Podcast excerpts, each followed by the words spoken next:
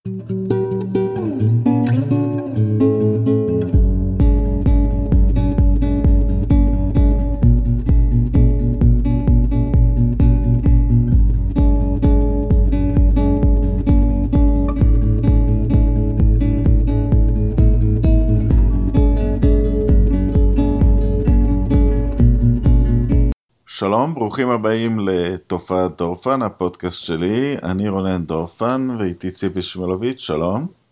שלום רונן. שנינו גילוי נאות, שנינו אוהדי רפה מושבעים לחלוטין, אה, ולכן אה, הפודקאסט היום מבוטל, אין מה להגיד, נכון? מה נגיד? אין מה להגיד. טוב, נכון, שלום, תודה שהייתם איתנו. אה, טוב, אבל מכיוון שכולם מחכים למונולוג פתיחה, אני לא אתן נכון. מונולוג פתיחה, ואז אה, נדבר. לא, אני אומרת שאנחנו מקצוענים ואנחנו לא מערבים רגשות, ואנחנו יכולים לדבר בקור רוח על איך שתינו שמפניה כל הלילה. אוקיי, פה זה אגב נגמר בבוקר, ואיך שזה נגמר, בבודפסט יש סערות מגנטיות כאלה, שהשמיים יורים ברק, אבל לא כל 30 שניות, כל 4 שניות, טח, טח, טח. ואני דימיתי את אפולו בשמיים בעצמו, זורק את ה...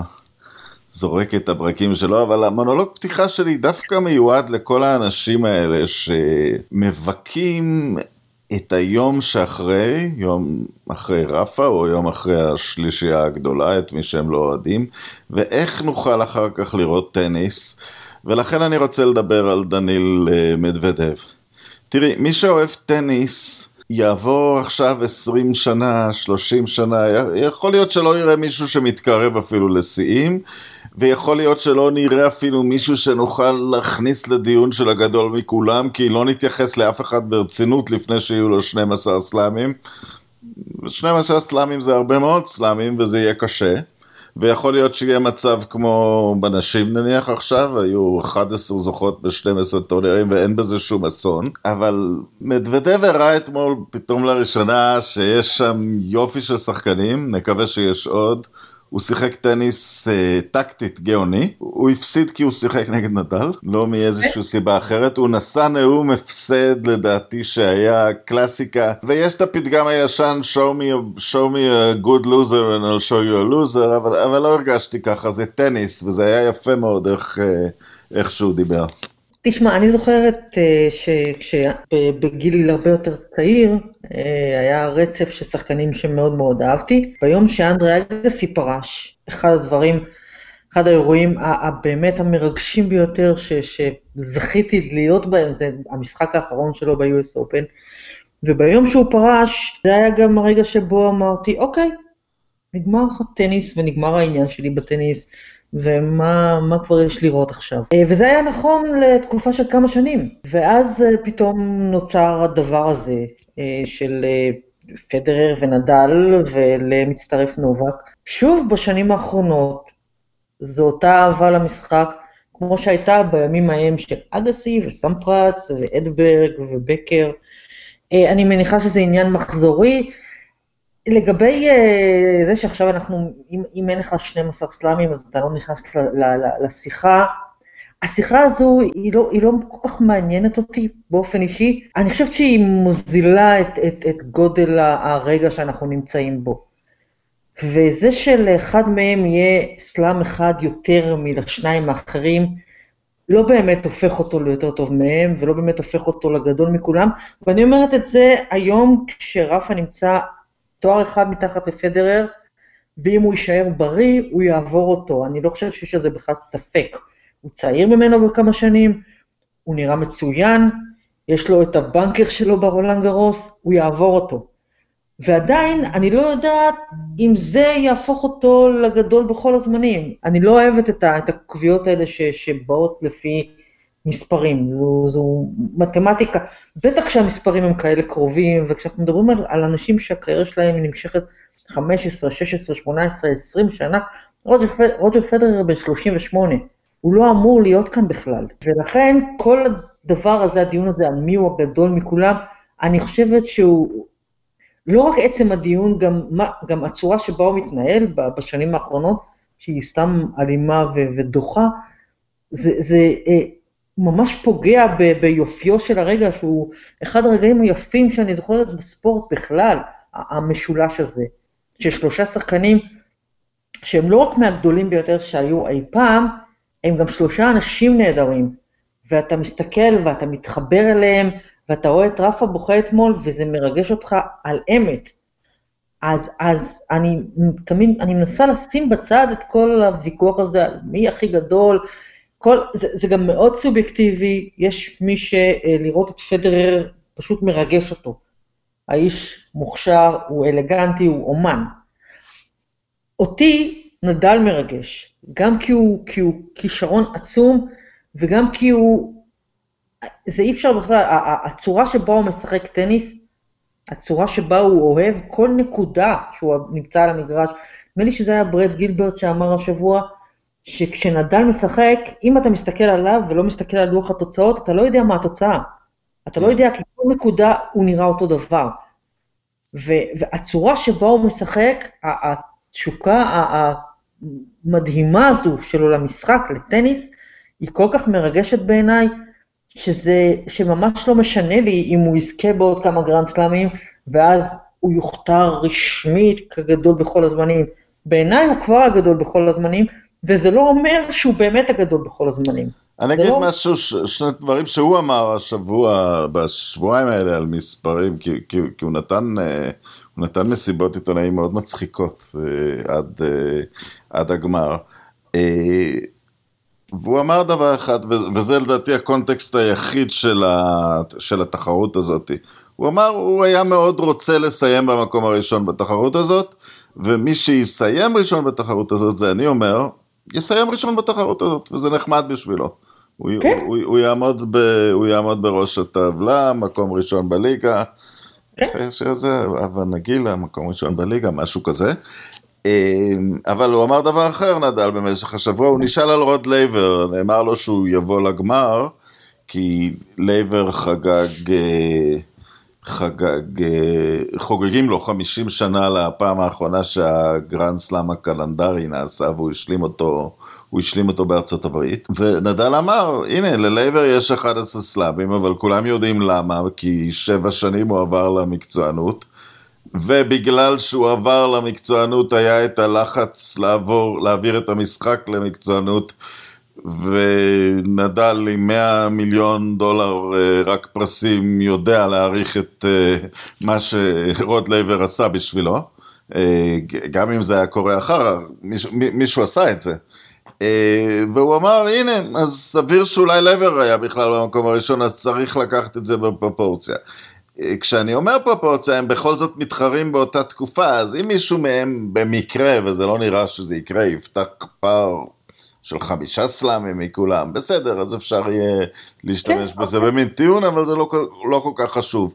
אז, כן. אז כן, והדבר השני שנדל אמר, שאם הוא לא יסיים ראשון, הוא יישן בשקט בלילה וירגיש שהוא נתן פה קריירה. נתן. לא הכל היה לחינם, אם הוא לא יסיים. הוא נתן פה קריירה, היה ניצחון, או שניים פה ושם.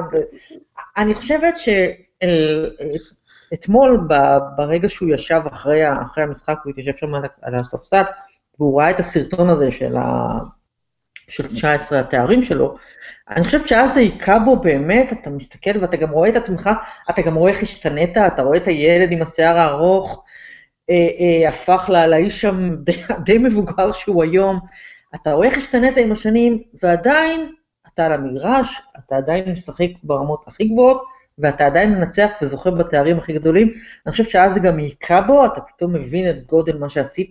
כמו שאמרת, אני לא, היחידי שיכול לפתוח פער במספרים של תארים כאן זה נובה. אני לא יודע, אולי זה יקרה, אני לא בטוחה. כל הכבוד לו אם זה יקרה, באמת, כל הכבוד. לגמרי כל הכבוד לו שהוא יקרה, אם זה, אם זה יקרה, אני גם חושבת שאם נכנסים ממש לדיונים של, אם אתה לוקח את השלושה בשיאם, מי הכי טוב או מי ינצח בליגה פנימית כזאת, זה כנראה יהיה נובק. גם נובק, אני לא בטוחה ש...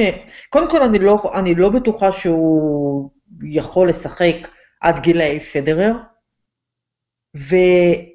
ודבר שני, אני חושבת שהדור החדש הזה שעכשיו באמת שהוא מתחיל להגיע, אה, הוא יתחיל, הוא יתחיל לזכות בתארים, מהשנה הבאה הם יתחילו לקחת תארים. מה שה-US Open הזה הראה, אני חושבת, באמת את תחילת הסוף של המשולש הזה. אה, פדרר נראה בפעם הראשונה בחייו, הוא נראה בגילו. הוא נראה בגילו, הוא נראה קצת שביר פיזית, לא היה לו כך הרבה כוח, הוא בוודאי מאוד פגיע מנטלית, ואת זה רואים, וזה ברור בשנים האחרונות, הוא נראה פתאום בגילו. עכשיו, הכי קל להגיד, אוקיי, בסדר, הוא נראה, תראו איך פדר נראה, הוא בן 38, הוא אמור היה להיראות ככה לפני חמש שנים. אז הוא פתאום נראה בגילו.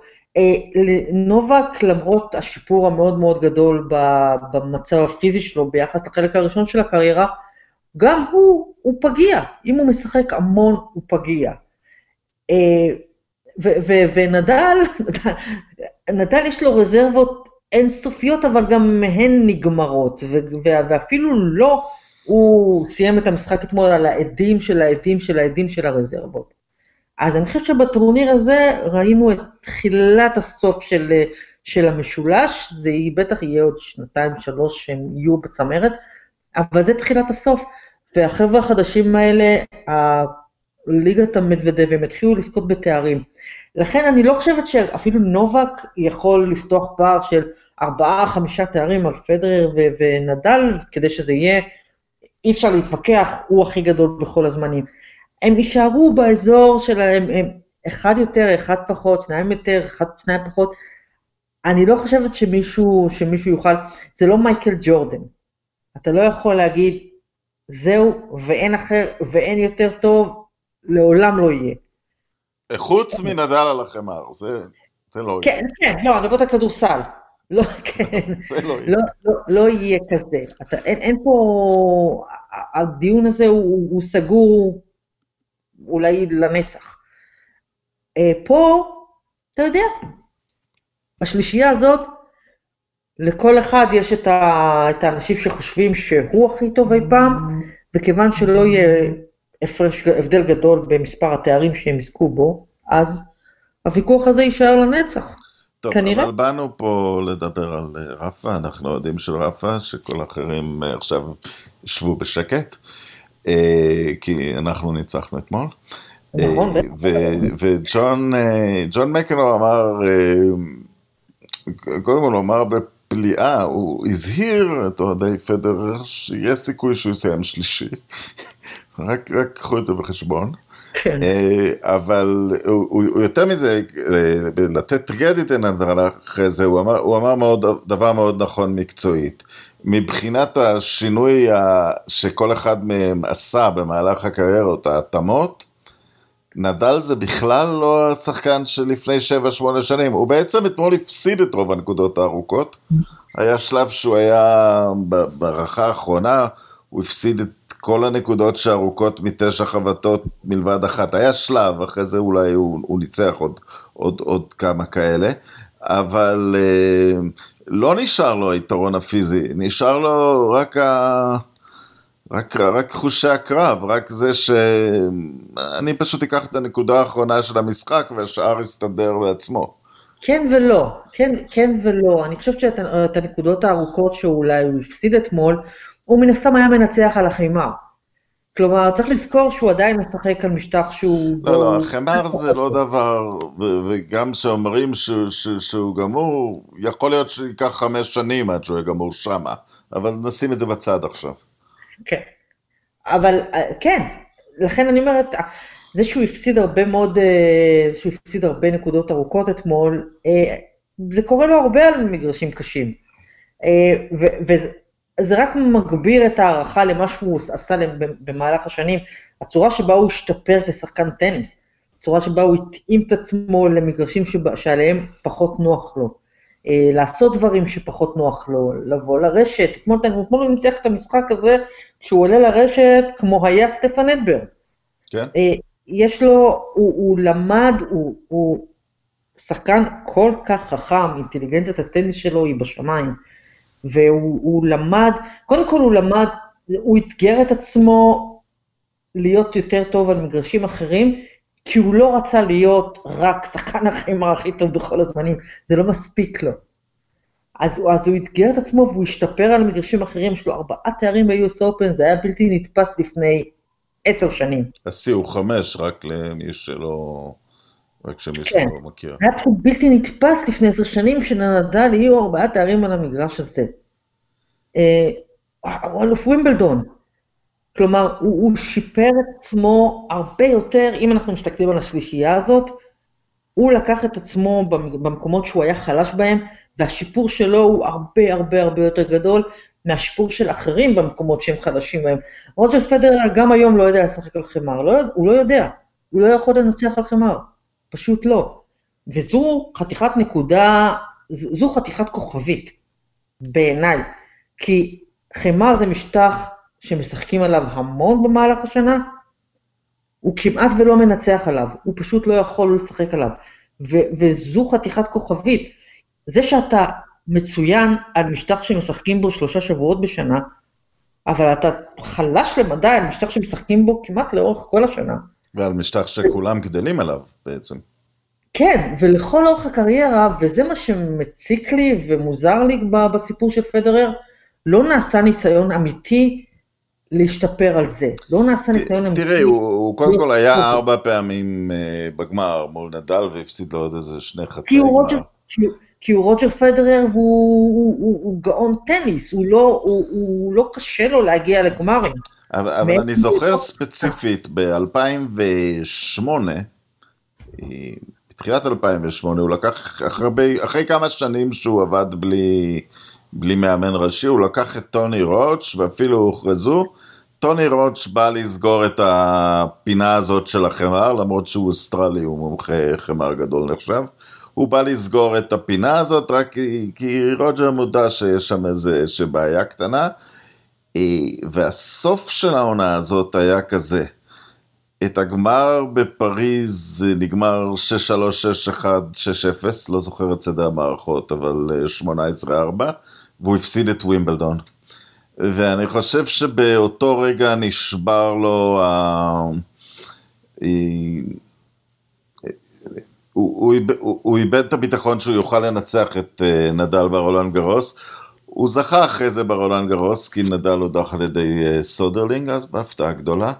אבל אה, אני חושב שמה שקרה אז, דווקא בעונה אחת שהוא לקח את המאמן חמר ונדאל גירש אותו. עכשיו, זה לא היה בדיוק שזה היה הפער, זה פשוט היה בזמן אה, אה, יורו 2008, והיה משחק של ספרד, ונדאל היה צריך לגמור מוקדם את המשחק. זה לא שהוא כזה רצה להעליב אותו. אני זוכר, כי, כי הייתי, נדמה לי זה היה...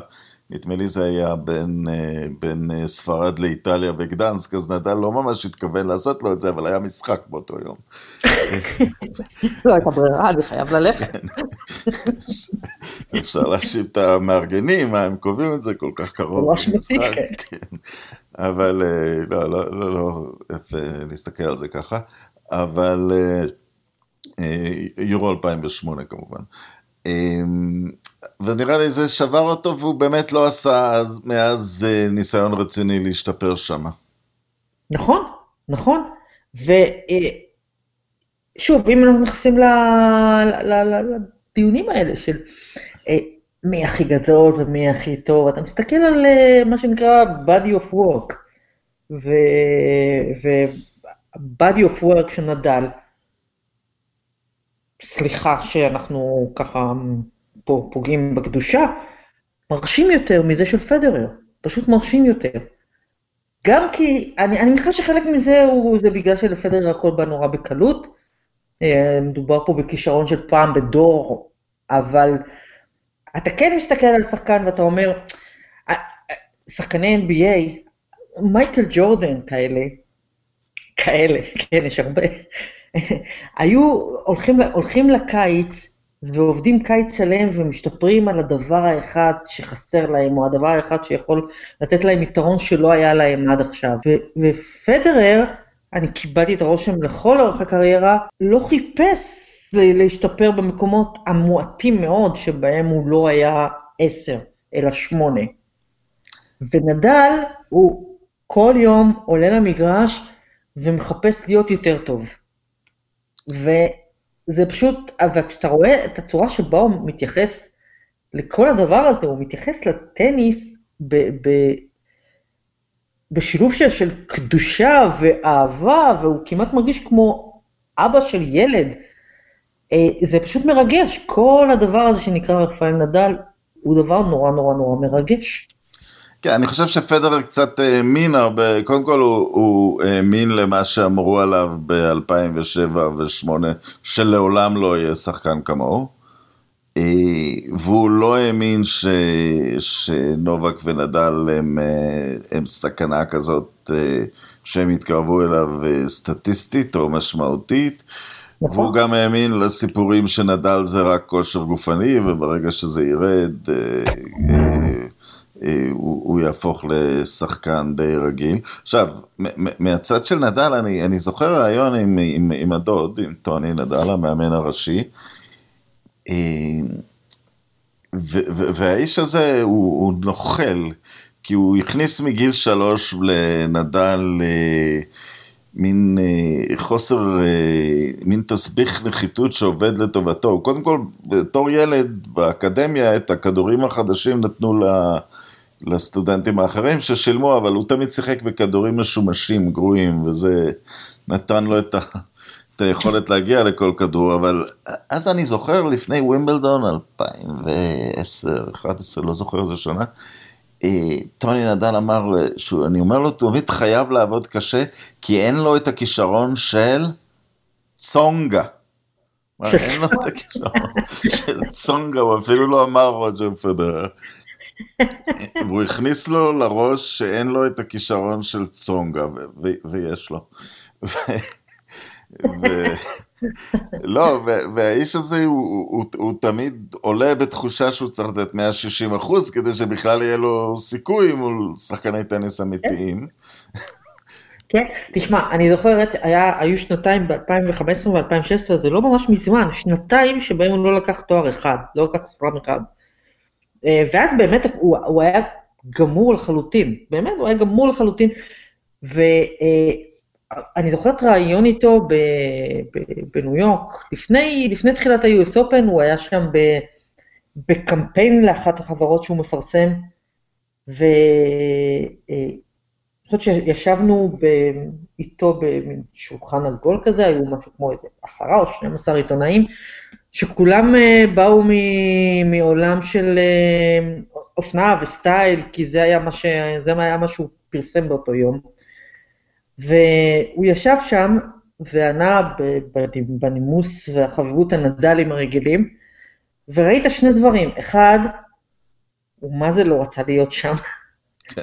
למה אני צריך לשבת כאן ולדבר על התחתונים שאני מפרסם? והדבר השני, כשכבר שאלו אותו על טניס, אה, ראית משהו בעיניים שהיה בין אה, היה קרוב לקצת ייאוש, כניעה, סוג של הרמת ידיים, הוא אמר דברים כמו, אני ממשיך ו- ו- ואני מנסה, ואם זה לא יצליח, הייתה לי קריירה טובה. וזה היה 2015, 2016, ויצאתי משם אה, אה, בעצבות אמיתית, כי זה היה הרגע שבו אמרתי, אוקיי, זהו, זה נגמר. והיום אנחנו יושבים כאן, ותראה איפה הוא, הוא לא אמור היה להיות כאן. זאת אומרת, זה פשוט סיפור שהוא לא יאומן, וזה אדם ש...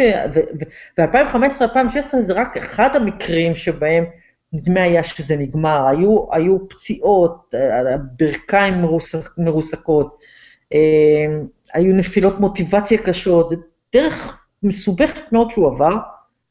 וזה לא משנה, בסוף, הציור, בסוף היום, אתמול בערב הוא יושב, הוא מסתכל על המסך, 19 תארי גרנד סלאם, והדרך עוד פתוחה. אני חושב אגב שזה היה הסיבה לדמעות, כי, כי כרגע הוא חווה גופנית, מה צריך להשאיר על המגרש בשביל אחד, ואז הוא אומר, 19? 19? 19 כן. פעמים עברתי את זה, אז בסדר, כן. לפעמים, לפעמים זה יותר קל בצרפת, למרות שהיו שנים שגם שם היו קרבות אפיים.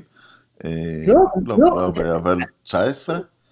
כן, וגם, וגם, וגם שוב, דיברנו על זה קודם, אתה מסתכל ואתה רואה את הילד הזה אתה יודע, עם השיער הארוך והנפש החופשית ושום דבר, שיכול לרוץ עד מחר בבוקר.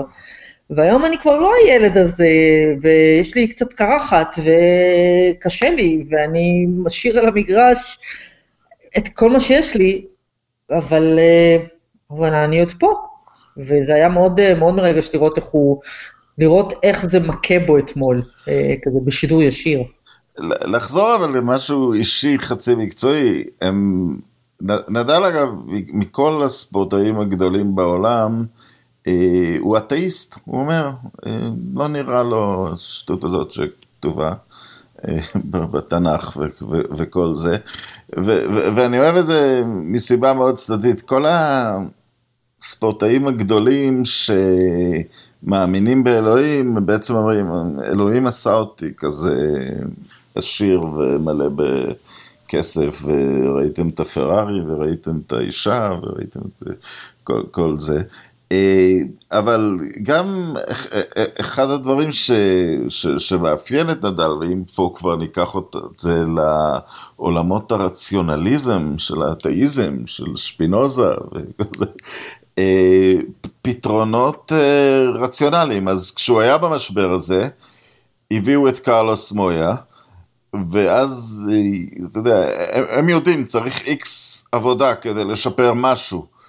והם איתרו את הסרב השני כבעיה, והיום הוא, הוא, הוא בסרב השני, הוא, הוא השחקן הכי טוב בעולם עם הסרב השני שלו. נדמה לי שהוא ב-59 או 60 אחוז, הוא ראשון או שני בסבב, יש איזה מגיש גדול כלשהו שנמצא לפניו. אה, אבל, אבל כן, הם, הם, הם, הם, הם בנו את הקריירה ככה. החבטה, לרוג'ר פדר יש מגוון חבטות מדהים, אבל החבטה שהיא 60% מהחבטות בטניס זה הפורן, ולנדל יש את הפורן הכי טוב. אה, ואז הם, הם, הם הוסיפו, הם, הם הוסיפו אלמנטים, תחילה את הסרב בכלל, ואחרי זה את משחק הרשת שיוריד את השחיקה מהברכיים. זאת אומרת, התכנון האסטרטגי של כל הדבר הזה של נדל הוא מאוד מאוד רציונלי תמיד. כמה שהוא שחקן אה, רגשי, הם לא ניגשים לשפר משהו בגלל שבא להם או בגלל שזה יוסיף משהו, אלא בגלל שזה בקונטקסט של עונה, בקונטקסט של קריירה, זה הדבר הנכון לשפר עכשיו. כן, אני, אני חושבת אבל שזה גם נכון, אה, אני לא חושבת שטניסאים, אני לא חושבת שפדר אה, קם בבוקר ואומר, אה, בזכות אלוהים אני, יש לי כזה, יש לי כזה פורנט. אני, קצת קשה לי לראות את זה, אבל מה שמעניין אבל, לפחות במקרה של נדל... לא, לא, אני סתם אמרתי את זה כי אני אוהב אתאיסטים. כן, לא, גם, גם שמתי לב אה, אה, שהרבה מאוד פעמים האנשים שמגדירים את עצמם אתאיסטים, הצורה שבה הם מתנהלים ומתנהגים בחיים שלהם ביום-יום, היא הכי אה, נוצרית, כמו, ש, כמו שכתוב בספרים. אם אתה מסתכל על נדל, הוא רחום וחנון ונדיב, ועוזר, ועוזר לעניים, וחושב על כולם, ואתמול בנאום הניצחון שלו, הוא דיבר על קרים אלאמי שאיבד את הבן שלו, והוא פשוט, אתה יודע, לא חייבים להיות, אה, לא חייבים להאמין, להאמין ב, באלוהים כדי להיות, אה, אתה יודע, אדם, אה, אדם רוחני. ויש משהו, יש משהו מאוד רוחני בצורה שבה נדל מתייחס, ל, מתייחס לטניס, מתייחס לאהבה שלו למשחק. שזה שונה לגמרי מהפן המדעי, שזה הקבוצה שלו, והם אחראים על זה, והם אמורים להגיד לו, אנחנו צריכים לשפר את הסרב השני שלך בעשרה אחוז כדי שתעשה ככה וככה. זה עניין אחד. הצורה שבה הוא מתייחס לטניס כשהוא נמצא על המגרש, היא הכל חוץ משכלתנית. זה... הוא, הוא מרגיש שהוא באיזושהי משימה. כן, הם, הם, הם מגדירים את מה שצריך, אבל את ה... הבנזין, התשוקה לעשות את מה שצריך, שזה המון. עוד, עוד דבר שאירוע השבוע, את, אה, את החימום בערוץ של ה-US Open באינטרנט, הראו את החימום לפני המשחק מול צ'יליץ'. וצ'יליץ' הזה, שחקן סטמניק, כן, מצטער להגיד, הוא על האופני כושר עושה זה. ונדל עשה איזה תיאום, הוא רקד סביב החדר אימונים, ואחרי זה עשה כל מיני תרגילי אה, יוגה, וזה פשוט, אתה כבר היית באימון שלהם, שהם לא באותה ליגה. כן. כן. וזה אגב גם, אה, גם אמר, אמר לי מקנרו, אם אנחנו מגיעים לניים דרופים, אבל פעם שביקרתי את אה, גלעד בתקופה קצרה שהם היו שותפים עסקיים, הם רבו בסוף, הוא וגלעד בלומו נפרדו עסקית לפחות. אה, הוא, הוא אמר, אימון של נדל אתה מתנשף מלצפות בו, כאילו. כן. זה ממש ככה, אתה מסתכל, אתה אומר, מה זה, זה מעייף אותי, אני לא, אי אפשר להסתכל על זה כל הזמן. המשחק אתמול, את, זה היה נורא, זה היה, זה היה סיימתי אותו מותשת. כן, הראו באמון הזה, יש מין תרגיל שאתה יושב נגד הקיר וזה יוצר לחץ על הירכיים ובונה את השריר שיגן על הברכיים מפציעות. והוא עומד על השעון והוא מסתכל וזה שמונה פעמים 45 שניות, הם הראו את זה. זה הוא, הוא ינצח את שיליץ' גם אם הוא יעשה שש פעמים באותו יום, כן? כן. אבל... כן. כן, זה ה... אבל כדי, כן, אבל כדי לשרוד את המשחק הזה של אתמול, הוא צריך לעשות שמונה פעמים. כן, ו... יגיע הרגע שהוא צריך את זה, כן. והוא יודע את זה, כן. אוסטרליה? מקום נהדר. לא נדע, אני, אני חושב לנסוע לשם לטורניר, נראה. אבל אני, אני רוצה להגיד, יש איזו אנומליה אה, שנדל זכה, אתה יודע, לכל טורניר יש את הייחוד שלו, מקצועית כמובן, המגרשים השונים, ואז אה, אוסטרליה וארצות הברית הם, הם על אותו משטח. כיום, היה פעם הבדל קטן, אבל כיום הם על אותו משטח. ו... אני חושב תמיד למה נדל לא עושה את זה יותר באוסטרליה ו- וכן בארצות הברית. אמ, אז, אז קצת מזל, הוא הפסיד שם כמה הפסדים אכזריים, אבל, אבל, אבל יש הבדל אחד נורא מהותי בין אוסטרליה לארצות הברית. אחד הוא פתיחת העונה, והשני הוא על העדים במכל בסוף בדיוק, השנה. בדיוק. ואני חושב שזאת הסיבה שבאמת... אה, אה, אה, אולי הוא תמיד, דווקא כי הוא שחקן שלומד, ואולי הוא תמיד נכנס לעונה שהוא לא יכול להיות דומיננטי כל כך על האחרים. יכול להיות, יכול להיות, יכול להיות שהוא בונה את העונה בצורה כזו שהוא, שהוא יגיע לשיא באורלנד הרוס, ואז, אה, ואכן ליוס אופן כולם מגיעים על העדים, ולו יש קצת יותר עדים מאחרים. ויכול להיות שהוא פשוט, אתה יודע, אוסטרליה זה בינואר, זה נורא מוקדם. האיש היה בחופש בדצמבר, והוא כנראה לא, לא, לא מגיע מספיק מוכן, או פיזית או מנטלית, או שניהם ביחד. יהיה מעניין לראות אם מה שקרה עכשיו, אה, כן יכניס אותו למוטיבציה מיוחדת לטורניר הקרוב, לאוסטרליה הקרוב. אה, אבל אני חושבת שבשלב הזה, בצורה שבה הוא עושה time אה, management, אה, אתה רואה שהוא בונה את העונה, לא מעניין, קודם כל לא מעניין אותו להיות מספר אחת בעולם, זה ממש לא התחרות של, הדירוג של ה-ATP לחלוטין לא מזיז לו, ואתה רואה שהוא באמת בונה את, בונה את העונה כדי שהגוף שלו ישרוד בין אפריל לספטמבר.